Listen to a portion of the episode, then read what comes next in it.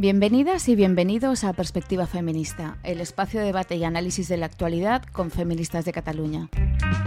Para entender la realidad que nos rodea y denunciar las desigualdades entre mujeres y hombres. Bienvenidas y bienvenidos a este quinto episodio de Perspectiva Feminista. Soy Pat de Lidia y hoy os queremos hablar de presión estética.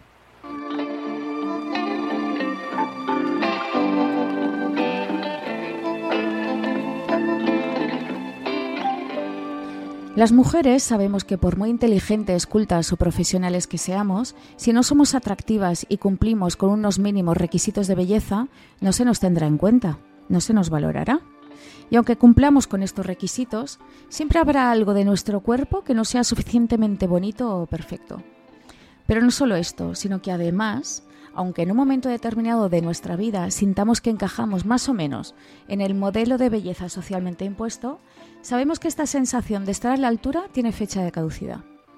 Es más, me atrevería a decir que es una sensación totalmente efímera porque en cuanto nos salen pelos, ojeras bajo los ojos o un grano en la cara, o en el momento en el que nuestro peso corporal aumenta un poco o se intuyen las primeras canas o arrugas, aparece sobre nuestra cabeza un anuncio de neón que grita en mayúsculas Urge reparación. Desde pequeñas nos enseñan que nuestro valor radica en nuestra belleza y cuidar nuestra apariencia es una obligación para demostrar nuestra feminidad mientras la industria estética se frota las manos, naturalmente. Una industria que además es experta en plantar en nuestras cabezas la semilla de la inseguridad, construir y alimentar nuevas necesidades para acto seguido ofrecernos una solución milagrosa. Mujer, ¿tienes acné, imperfecciones, arrugas, los pómulos caídos o papada? ¿Tienes los pechos demasiado pequeños, demasiado grandes, irregulares, torcidos? te acompleja la tripa, te sobran unos kilitos, te inunda la celulitis, tienes el culo gordo o caído, ¿Tienes miedo a que los hombres no te deseen por culpa de los pelos en tus piernas, tus axilas o tu pubis? No sufras, nosotros tenemos la solución. Te ayudaremos a convertirte en la mujer que siempre has querido ser. Joven, delgada, bonita y sin pelos, como una niña. pero sobre todo te ayudaremos a convertirte en una mujer sexy, para que los hombres te admiren y te deseen, no por tu inteligencia ni tus conocimientos o tu valentía, sino por tu capital erótico, que como ya sabemos es la clave para la felicidad y el empoderamiento de las mujeres. Y es que parece que en el actual contexto de hipersexualización y de pornificación de la cultura popular, no ser sexy es no ser mujer. Y naturalmente, como interesa que el acceso a esta belleza esté al alcance de todas, no solo de las actrices, las modelos o las famosas del papé couché, aquí es donde se produce el fenómeno que podríamos denominar la democratización de los tratamientos estéticos. Clínicas y centros de estética en cada esquina, tratamientos a precios accesibles, pagos a plazos, sorteos en redes sociales y así, poco a poco, todas vamos cayendo en la trampa de las nuevas esclavitudes estéticas.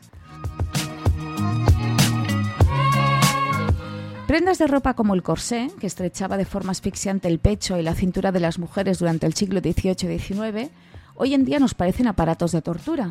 Ahora, en cambio, solo se espera de nosotras que luzcamos uñas kilométricas, pestañas postizas, pechos de silicona y que utilicemos sujetadores push-up para subirnos la pechera a la altura de las amígdalas y fajas para simular un vientre plano y un culito apretadito. Todo ello construye una especie de dimensión paralela en la que las mujeres somos eternamente jóvenes, delgadas, sin pelos, atléticas, con rasgos perfectamente simétricos y labios carnosos, sobre todo labios carnosos. Pero la realidad es que la amplia mayoría de las mujeres nos alejamos de este modelo y este contraste nos acaba generando un profundo malestar emocional y una sensación constante de impotencia y de frustración. Como acostumbra pasar en estos casos de gaslighting colectivo, el lenguaje utilizado resulta fundamental para seducirnos, haciendo pasar por necesidades lo que son deseos o fantasías y por salud lo que es pura estética. Por un lado podemos observar las trampas lingüísticas de los centros de estética que nos hablan de tratamientos como si nos encontráramos ante enfermedades y no ante simples características físicas. Hemos incorporado y normalizado tanto estos mandatos estéticos que a menudo repetimos aquello de me toca hacer operación bikini antes de ir a la playa, me tengo que arreglar antes de salir a cenar. O aquello de quiero hacerme un arreglillo en la cara. Asumiendo con naturalidad que hay cosas en nosotras que no están bien y que por lo tanto requieren ser modificadas a golpe de bisturí o como mínimo camufladas. No es casual que el lenguaje de la industria cosmética esté plagado de metáforas bélicas que convierten el cuerpo de las mujeres en un eterno campo de batalla. Combatir la celulitis, luchar contra el paso del tiempo, atacar la grasa más rebelde. Y en esta guerra eterna contra nuestro cuerpo y por tanto contra nosotras mismas, se nos aparecen los productos cosméticos como los supuestos aliados para encajar en un modelo de belleza casi real.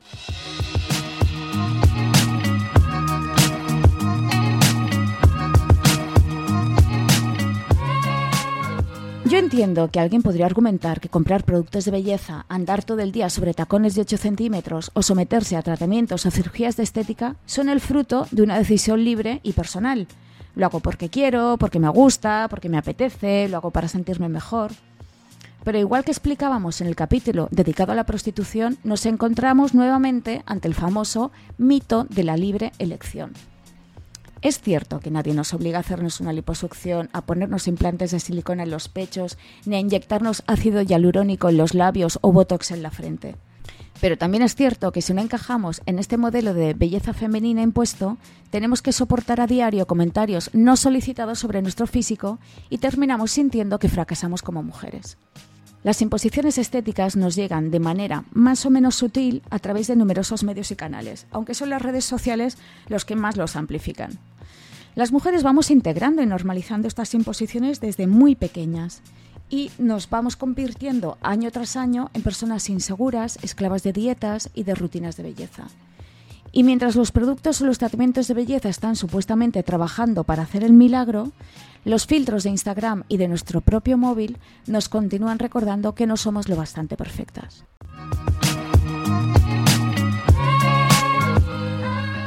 Una de las cosas que a mí más me llama la atención de todo esto es que la exigencia que se nos impone no radica solo en alcanzar el objetivo estético que se nos marca, sino también en mostrar la cantidad de energía, tiempo y entusiasmo que invertimos en ello. En este sentido, podemos observar constantemente influencers en redes sociales que nos explican sus rituales de belleza, sus recetas de comidas saludables o sus rutinas de entrenamiento. Y nosotras las vamos guardando en la memoria del móvil, yo la primera, como si hiciéramos una especie de compilación de fórmulas mágicas y secretas.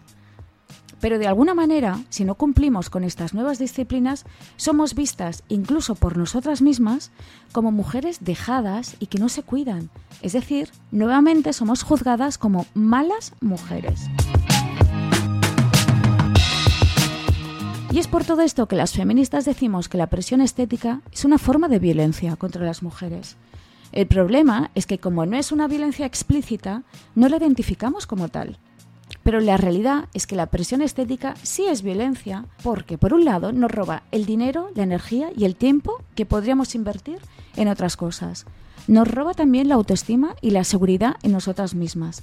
Nos roba la salud física y mental mientras intentamos alcanzar unos ideales de belleza casi siempre imposibles.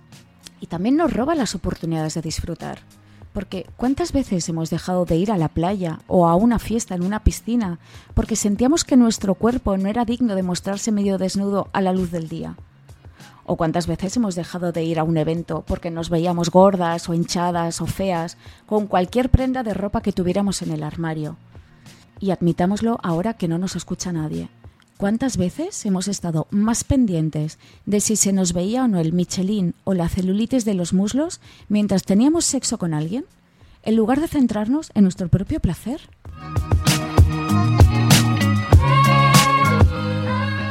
Yo creo que ya es hora de que dejemos de juzgar nuestro cuerpo y por tanto a nosotras mismas por su aspecto y que empecemos a valorarlo por todo aquello que nos permite hacer y disfrutar en la vida.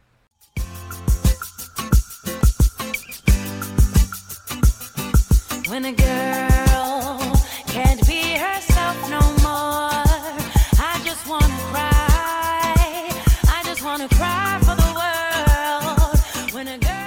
Escuchábamos Girl Can Be Herself, un tema de Alicia Keys del 2016. Ese año, la artista decidió presentarse a la ceremonia de los MTV con la cara totalmente al natural, sin maquillaje, lo que provocó una gran reacción. Más tarde, la cantante aclaró que había decidido renunciar al maquillaje como parte de un viaje hacia el empoderamiento de sí misma.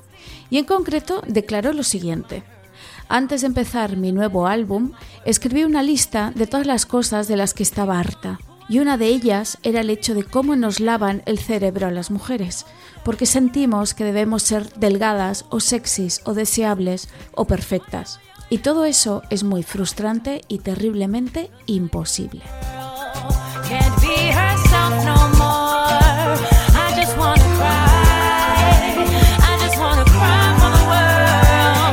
Y seguimos con más cosas. Llega la wiki feminista con Erika Bastide.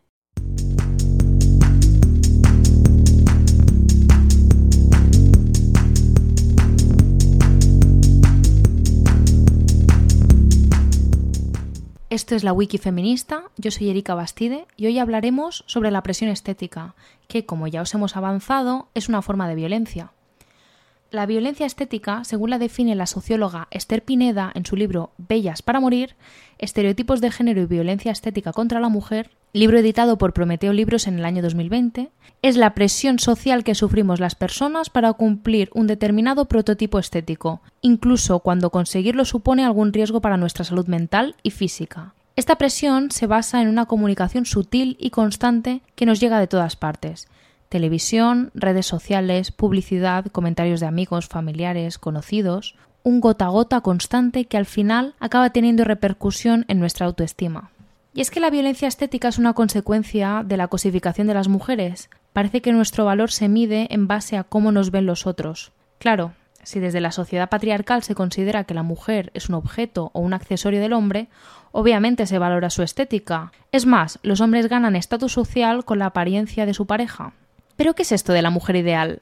El canon de belleza es variable según la cultura y el momento histórico. Por ejemplo, el ideal de belleza del Renacimiento, que toma como referencia el modelo de la antigua Grecia, eran las mujeres de piel blanca, cabello rubio y largo, ojos grandes y claros, pechos pequeños, ligeras curvas, pero delicadeza en general, la Venus de Botticelli. Es curioso cómo en cada momento histórico se toma como referencia a una mujer, Elena de Troya, Cleopatra, María Antonieta, y en el siglo XX estrellas de Hollywood como Heidi Lamar, Elizabeth Taylor, Marilyn Monroe, Audrey Hepburn, y más adelante actrices de cine y televisión y modelos como Brooke Shields, Pamela Anderson, Claudia Schiffer, y ahora asistimos al boom de las modelos de Instagram, como Bella Hadid. El canon de belleza está ligado a la clase social. Cuando las mujeres pobres eran delgadas y morenas porque pasaban hambre y muchas horas trabajando bajo el sol, el ideal de belleza era el de las mujeres ricas, que como no tenían que salir de palacio y tenían alimento más que de sobras, pues eran más gordas y pálidas.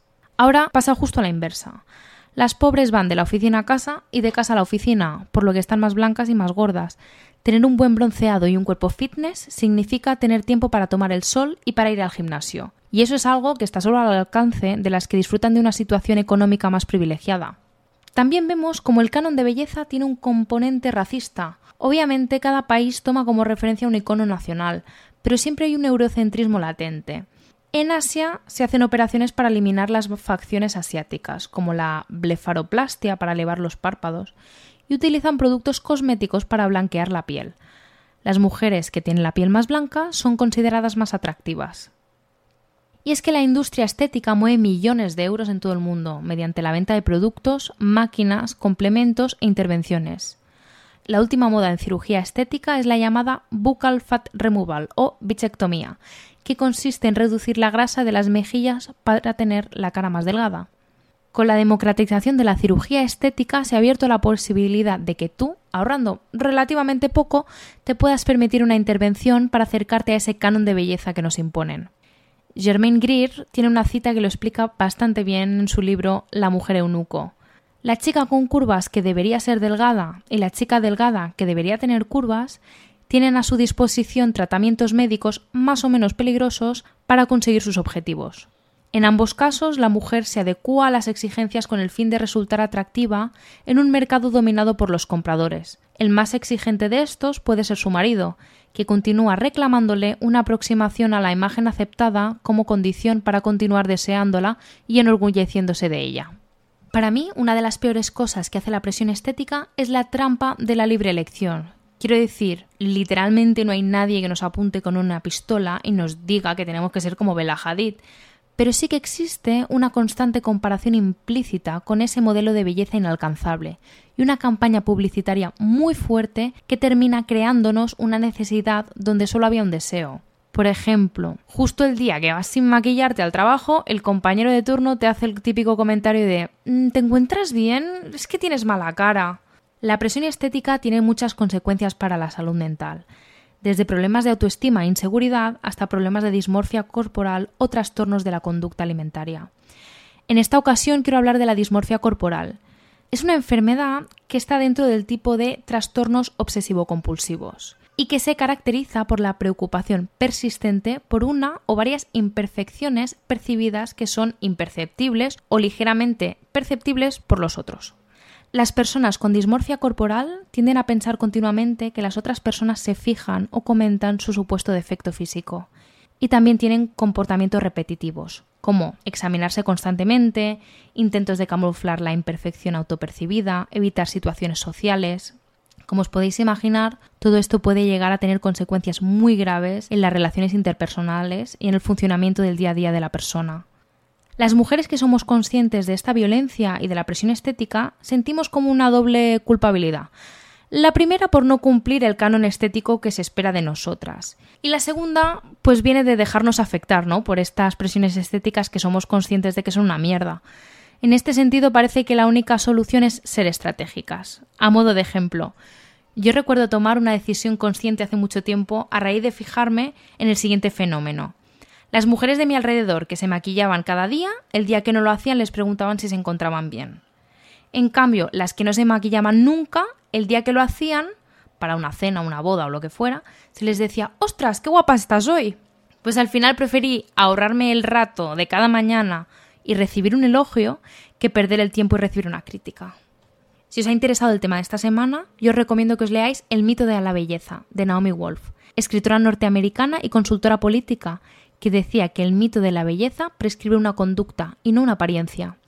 Es decir, lo que dice Naomi Wolf muy acertadamente es que los cánones de belleza impuestos a las mujeres actúan como una herramienta de control social sobre nosotras, porque la presión estética nos mantiene siempre esclavas de la aprobación ajena. Y no solo esto, sino que también nos mantiene esclavas de unos hábitos de consumo que se convierten en supuestamente obligados o imprescindibles.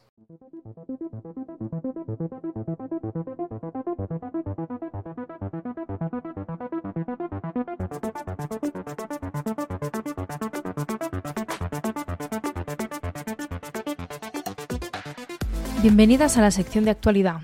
Como ya sabéis, hoy hablamos sobre la presión estética.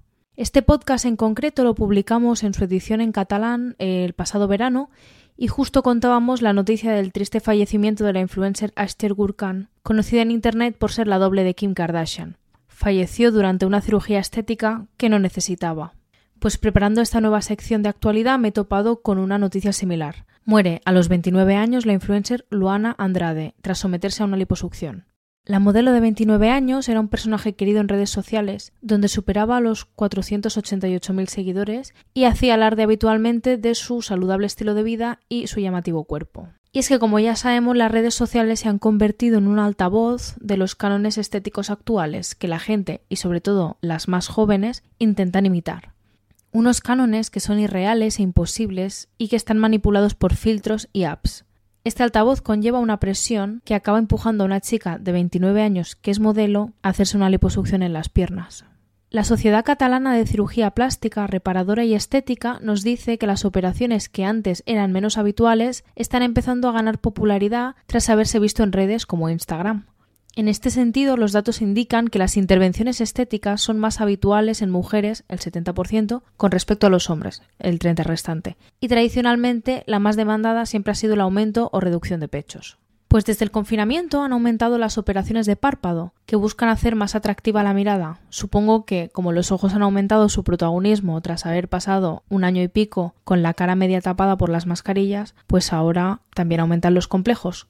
No sé si os sonará, pero hay una actriz que se ha operado muchísimo el tema de los párpados y está casi reconocible. Yo os recomiendo mirar fotos del antes y después de Jennifer Lawrence. Y es que de hecho el número de operaciones estéticas presenta una tendencia a la alza han crecido un 6% en los últimos dos años de pandemia y un 15% respecto a los seis años anteriores. Además, la media de edad está bajando cada vez más. El año pasado, un 36% de la población española se operó, según un informe de la Sociedad Española de Medicina Estética. Es decir, casi 4 de cada 10 personas pasaron por el quirófano a hacerse algún retoque. La última encuesta del Centro de Estudios de Opinión de la Generalitat de Cataluña constató que un 60% de las chicas menores de 25 años se había sentido insatisfecha con su propio cuerpo.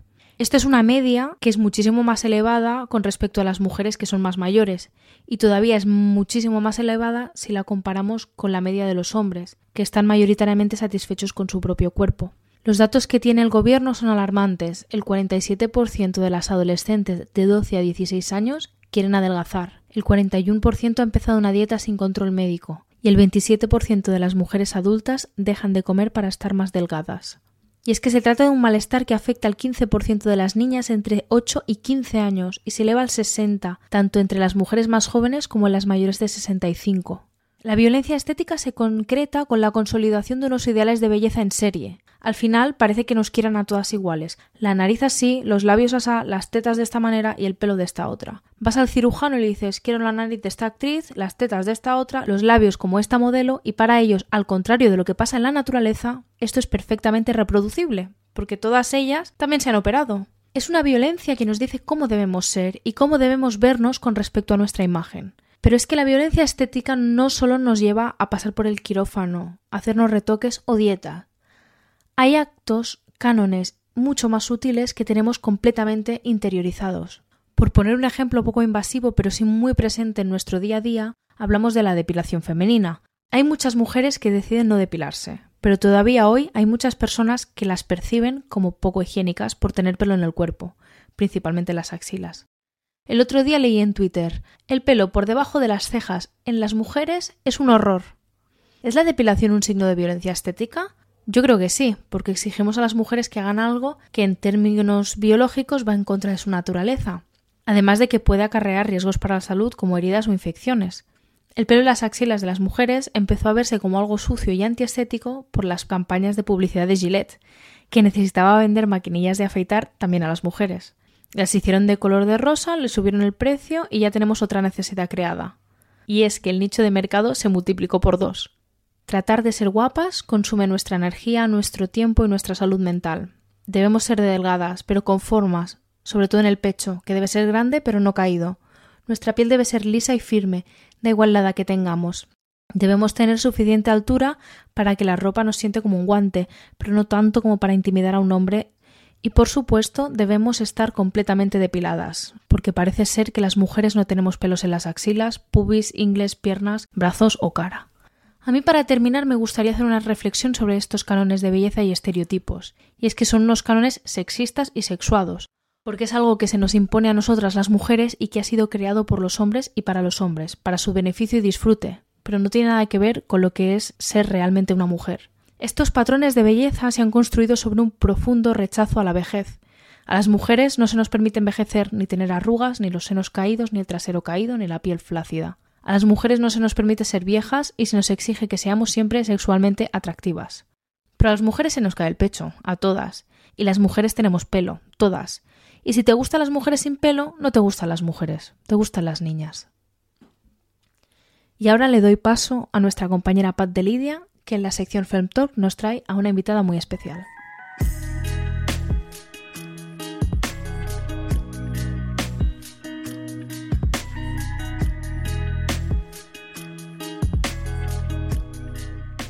En nuestra FemTalk de hoy hablamos con Gemma Cánovas, psicóloga clínica y psicoterapeuta acreditada por la FEAP, miembro de la Asociación Catalana de Psicoterapia Psicoanalítica y coordinadora de la vocalía científica.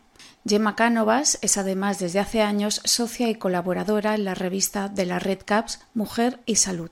También ha colaborado como psicóloga técnica especializada en servicios de atención a la mujer, tales como el Servicio de Atención a la Mujer del Instituto Catalán de las Mujeres, el Servicio de Atención a la Víctima de la Fiscalía Provincial en el Ayuntamiento de Barcelona en prevención de la violencia, así como en UNSIAD, que es un Servicio Municipal de Atención, Información y Atención a la Mujer.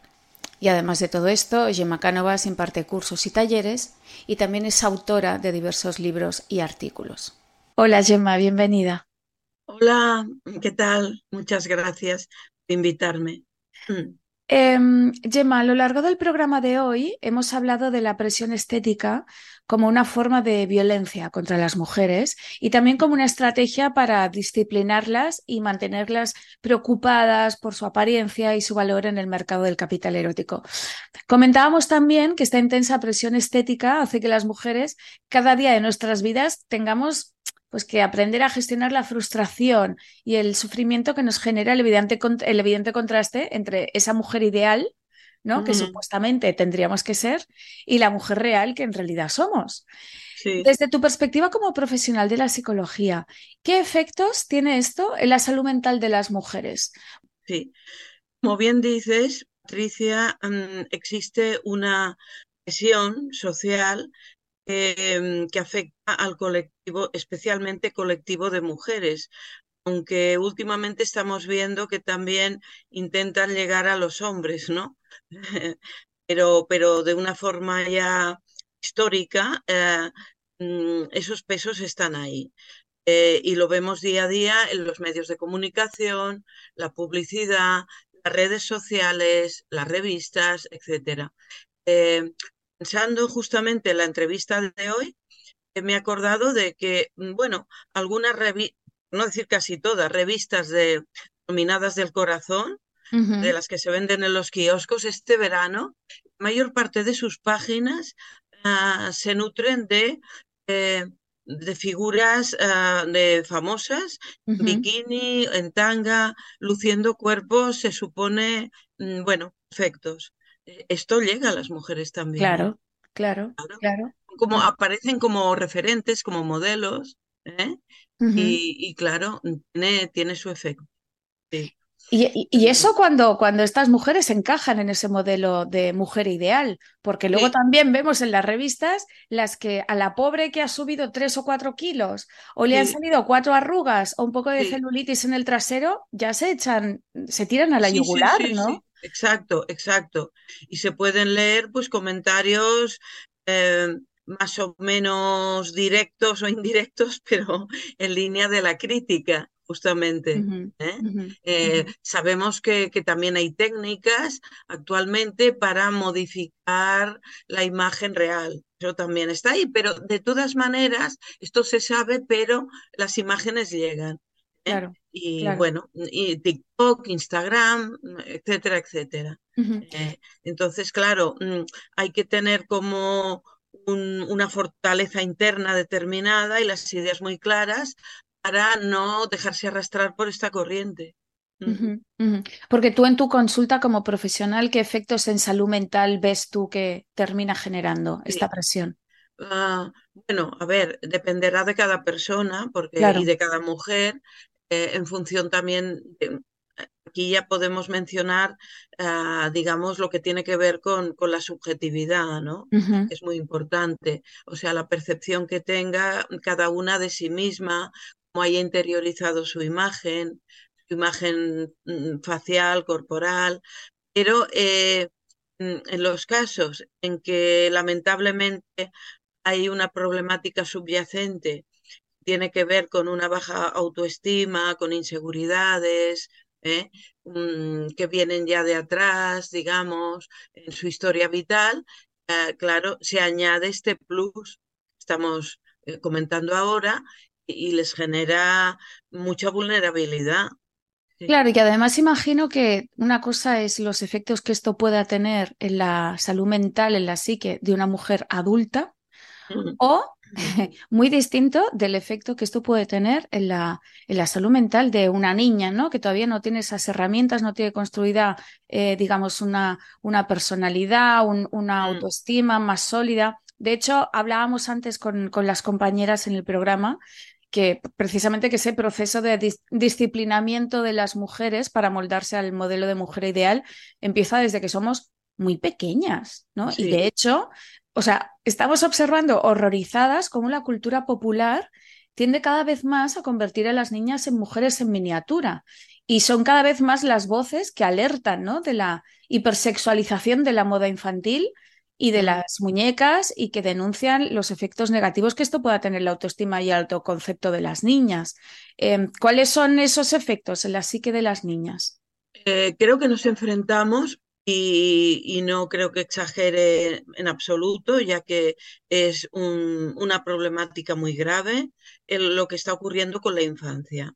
O sea, con la infancia en general, con las niñas en particular, como mucho más afectadas por todo este sistema, eh, que eh, por un lado tiende a persexualizar, a cortar etapas evolutivas, eh, van totalmente en contra ese camino de, la salud psíquica. Cada vez se recorta más la infancia y promueve en, concreto en las niñas generar un, un tipo de niña guion mujer tipo Lolita, nos entendemos. Y esto se refleja en las prendas de vestir. De hecho, ya venimos años observando esa tendencia. ¿Cuántas madres no han venido a explicarme que no encuentran ropa para sus hijas? Niñas de mm, siete años, ocho, incluso bodys con relleno, como si ya tuvieran pecho cuando, cuando son niñas, están en la etapa de jugar, imitando modelos de, mujer adulta, ¿no? En las prendas, ah, mm, maquillajes, eh, también hay profesoras, que yo hablo bastante con profesoras en el mundo educativo, me han llegado a explicar que niñas que llegan maquilladas a clase, que esto es muy diferente a cuando una nena se maquilla porque está jugando, ¿no? Y se disfraza, o, en un juego en casa con otras niñas, o porque llega a carnaval, lo hemos de diferenciar, ¿no? Sí, sí, sí. Eh, entonces es, es como realmente un, un ataque yo lo definiría así, un ataque muy bestia ¿no? A, la infancia y a las niñas en concreto. Y esto puede tener unas repercusiones si no se sabe, eh, digamos, cómo gestionar adecuadamente por parte de las familias, eh, que si acaso ya profundizaremos un poquito en esta cuestión, en el sentido de eh, favorecer lo que en psicología profunda se denomina falso self, soy yo. La identidad se está construyendo desde la infancia. Entonces, mm, como una especie de, maquillaje, en este sentido, ahora lo digo, el plano simbólico, de una falsa aparente identidad. Niña más mayor cuando, si adolescente, cuando en realidad no es así.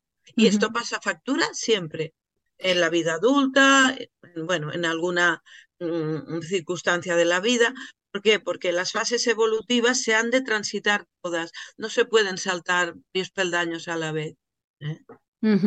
Y además ahora estaba pensando que cuando me decías, te llegan madres, ¿no? Con, con esa preocupación de, ostras, es que no encuentro ropa para mi mm. hija de, de 7, 8, 9, 10 años. Eh, no, o sea, no encuentro ropa de niña, ¿no? Encuentro ropa de adulta encogida. Entonces, estas, estas niñas que, que, además no nace de ellas, mm, eh, está clarísimo, o sea, es como que ellas sienten desde fuera esa exigencia para parecer mujeres, para mm. imitar un modelo de mujer, pero no un modelo de mujer cualquiera. O sea, es un modelo de mujer muy hipersexualizada. ¿no? O sea, es como se exige a niñas de 6, 7, 8, 9, 10 años que sean mujeres o que parezcan mujeres sexys, no una mujer sin más, ¿no? No, no, no, exactamente. Ahí esté añadido, digamos. Eh, en cualquiera de, las vertientes sería perjudicial, pero además eh, es un modelo determinado, ¿no? De, mm. imitación de mujer eh, sexy en posición de objeto para agradar en principio básicamente a la población masculina. O sea, la raíz es esta. Sí, sí, sí, totalmente. Ah, ya, ya que aprovecho, ya que eh, estamos hablando de esta temática, que también puede tener algún tipo de correlación con una problemática gravísima, que de hecho esto se está hablando últimamente bastante en algunos medios, es el acceso a la pornografía cada vez en edades más tempranas. Y, cómo afecta esto a niños, niñas, pero las niñas más perjudicadas como siempre.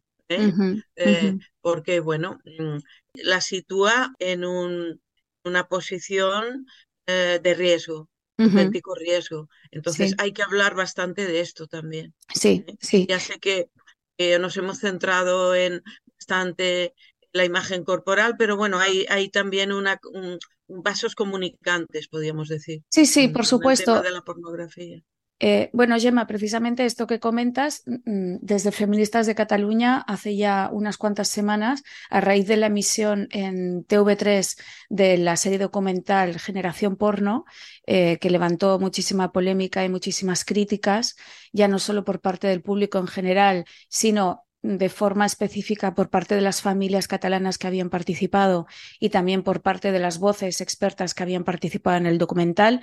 Em, eh, todas estas voces, digamos, se sintieron utilizadas, eh, manipuladas, porque el resultado final de esa serie documental no fue el que creían o se les había comunicado que iba a ser. Em, entonces, más que, sobre todo por el último episodio, ¿no? Que en forma de, noche temática, eh, pues em, más que un debate entre familias, jóvenes y expertos, que era lo que se suponía que tenía que hacer, fue un, eh, un programa casi de blanqueamiento ¿no? de la industria pornográfica, que sabemos que es una industria criminal eh, que mueve más de 97 mil millones al año Em, y que además eh, tiene unos efectos nefastos en términos de salud mental y de salud sexual, ya no solo mm. de adultos, sino sobre todo de los más vulnerables, que son los, las chicas. jóvenes, las niñas y los chavales también, pero sobre todo las, ellas, ¿no? Porque al final son ellas las que acaban sufriendo la violencia sexual que ellos aprenden en esa pornografía, ¿no? Eh, entonces, bueno, pues decidimos hacer un directo con Marina Marroquí, que es educadora social, especialista en violencia machista y que precisamente fue una de las voces expertas invitadas en el, en el documental y que estaba tremendamente disgustada ¿no? por el resultado final que se había hecho. O al menos el que se había. Claro, al menos el resultado final que se emitió en, en TV3, que no es el mismo que se emitió en ETV. Porque TV3 ah. solicitó con todo el material que se había grabado TV3 solicitó un montaje, un montaje distinto, mm. supuestamente para dar más visibilidad a las familias catalanas, pero lo cierto es que recortaron eh, fragmentos de la versión vasca, digamos, que eran fundamentales para poner mm. en evidencia en toda su magnitud mm. los efectos nefastos que el consumo de pornografía tiene en adolescentes. Em, Eso no es un periodismo honrado. No, efectivamente. no es un periodismo ético. no, no, no, no. Y, por eso lo quisimos visibilizar. Y además es que Marina Marroquí, a raíz de un hilo en Twitter en el que nosotras denunciamos esa manipulación desde Feministas de Cataluña, fue la propia Marina Marroquí que vio el hilo, le gustó el análisis y la crítica que hacíamos, se puso en contacto con nosotras y nos pidió que por favor eh, hiciéramos un directo para visibilizar y denunciar lo que había ocurrido allí, ¿no? Volviendo un poco al, al, tema de esas recomendaciones finales. Em, claro, antes hablábamos de, pues precisamente ahora de las madres, ¿no? O de los padres. Pero bueno, al final las madres, porque bueno, es, así, al final son, suelen ser quienes más se implican en la, en la, educación de hijas e hijos, que estoy segura, y por supuesto conozco muchos padres que también están implicadísimos, pero digamos que habitualmente son las mm. madres las que están ahí, digamos, como más cerca o más implicadas en ese rol ¿no? educativo. ¿Qué rol juegan aquí las madres de las niñas para bien o para mal eh, en, la transmisión de valores y modelos a sus hijas? Mm. Eh, juegan un papel primordial. Mm, no diremos que una influencia del 100%, porque es cierto que el entorno eh, afecta también, influye y, tiene su, su, peso, que pensemos que las niñas no están aisladas, van al colegio, hablan con otras niñas, hay un factor contagio. ¿eh? esto se acrecenta cuando se va llegando a la pubertad, como sabemos. Sí. pero uh, nos guste o no nos guste, estamos viviendo una, una etapa, eh, digamos, social, histórica, en que eh, las familias en conjunto y las madres especialmente han de nadar, nadar contracorriente eh, en muchos aspectos. Eh, no digo que sea fácil, es como un encaje de bolillos muchas veces, pero digamos, la prevención hay que hacerla desde, desde la infancia, hablar con las niñas, con las hijas, eh, darles a entender no les toca ir vestidas de cierta forma, esto es para las mujeres cuando son mayores ya, eh, que no van a ser más felices ni se van a sentir mejor, ¿no? Llevando ciertas prendas o adaptando ciertos comportamientos. Entonces, las, yo a las mamás les recomiendo que eh, favorezcan mucho la comunicación con sus hijas, el diálogo, eh, y que ellas también traten de reflexionar respecto a sí mismas, porque somos humanas todas y influenciables en algún grado, eh, para ver hasta qué punto ellas también han caído en trampas. ¿eh? Porque en la medida en que estén más seguras, transmitirán seguridad a sus hijas. Uh -huh.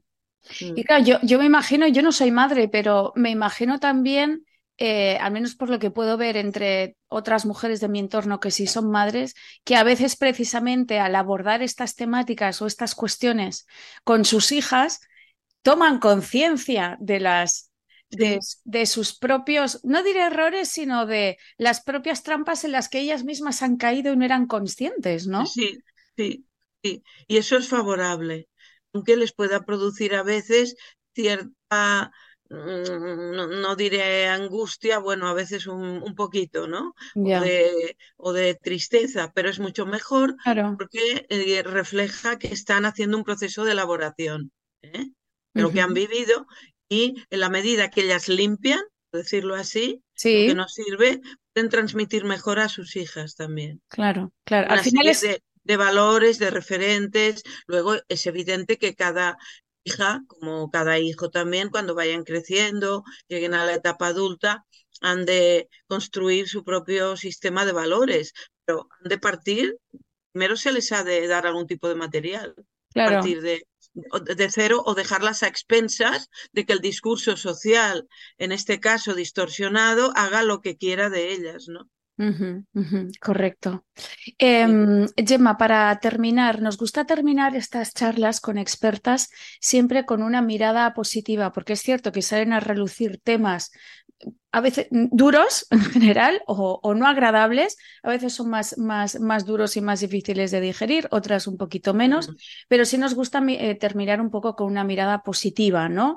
Eh, si no optimista, pero sí positiva o constructiva, ¿no? Eh, teniendo un poquito esto en mente, ¿qué crees que podemos hacer nosotras como adultas para ayudar a estas niñas, adolescentes y chicas jóvenes?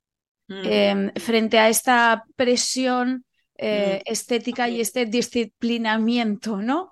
al que se sí. la somete con, con, tanta, con tanta fuerza. Sí, bueno, a ver, eh, hay, hay, un grado de influencia, eh, cada cual desde su posición el que puede, y también a partir de colectivos, asociaciones de mujeres, tratar de organizar mmm, charlas, publicaciones, visibilizar. Más allá de lo que se pueda realizar desde organizaciones de mujeres, asociaciones, para visibilizar la mm. problemática que se esconde detrás de una aparente inocua presión estética, ¿no? Porque ya mm. hemos dicho a lo largo de todo el programa que es una forma de violencia contra las mujeres y las niñas. Sí. ¿Qué, ¿Qué, pautas podemos dar a las madres, por ejemplo, para ayudar mm. a sus hijas frente a esta violencia, ¿no? A esta presión tan salvaje. Bueno, a ver, habría que ver también cada, las características particulares de, de, cada, de cada mujer, de cada madre, de cada niña, en función, así como tenemos Claro. que dar unos, unos, unas pautas así genéricas, ah, yo diría que es acompañarlas en el proceso de la construcción de su identidad y hacer contrapunto justamente a ese empuje eh, que el- les quiere robar infancia, sino empujarlas al revés, a la infancia, que vivan su infancia, jueguen, mm, fomentar todos los aspectos creativos.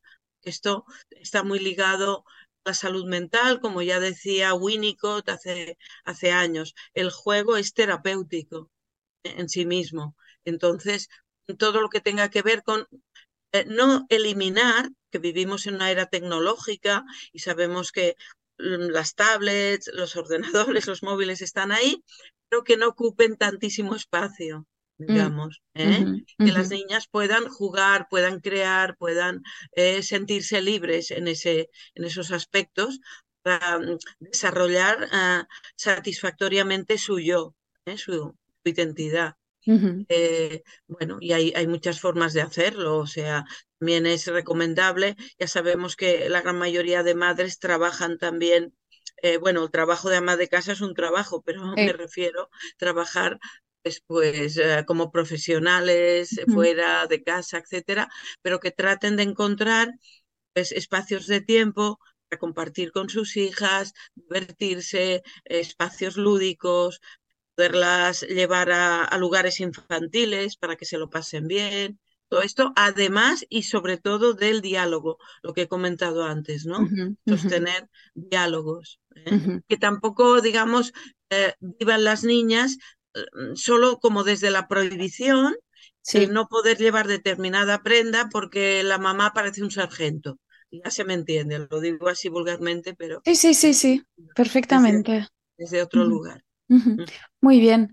Gemma, pues ha sido un placer. Muchísimas gracias por tu tiempo, ah, por tu conocimiento, por tu generosidad con nosotras. Y bueno, esperamos al final el objetivo siempre de, de este podcast y, sobre todo de la charla con vosotras las expertas es intentar eh, no solo compartir vuestro conocimiento sí, y, ayudar a generar conciencia, sino también dar pautas, ¿no? Un poco para ayudar a, a navegar en este mundo a veces eh, tan, que puede llegar a ser tan hostil, ¿no? Pues sí, y una cosita que me he dejado en el tintero, Dime. Mm, que si pueden también, aparte de la labor que hagan con sus hijas, conectar con otras madres para hablar de todo esto también.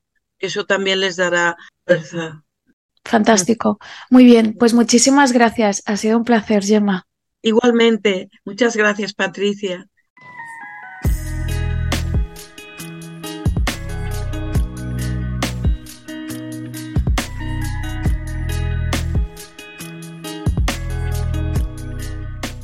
Y hasta aquí el Perspectiva Feminista de esta semana. Muchas gracias por vuestra atención. Si queréis seguir el trabajo de Feministas de Cataluña, podéis consultar nuestra página web www.feministes.cat y también podéis seguirnos a través de nuestros perfiles de redes sociales en Twitter, Instagram, Facebook y TikTok o visitar nuestro canal de YouTube. Existe la mujer perfecta, está aquí, la estás viendo frente a ti. Amo como soy, amo mi nariz aguileña, mi rostro redondo, mi metro sesenta como soy. Y está perfecto, los estereotipos son obsoletos. Amo mis pecas, amo mi cuerpo. Nos despedimos con el tema musical Amo como soy, de Celeste Show cantante chilena nacida en Inglaterra y que supone una crítica abierta a la presión estética que sufrimos las mujeres como soy, así como me ves, mis rasgos, mi belleza, amo como soy, como soy, amo lo que ves, amo como soy, me encanta ser así, amo lo que soy, al derecho y al revés, me encanta como soy, amo eso de mí.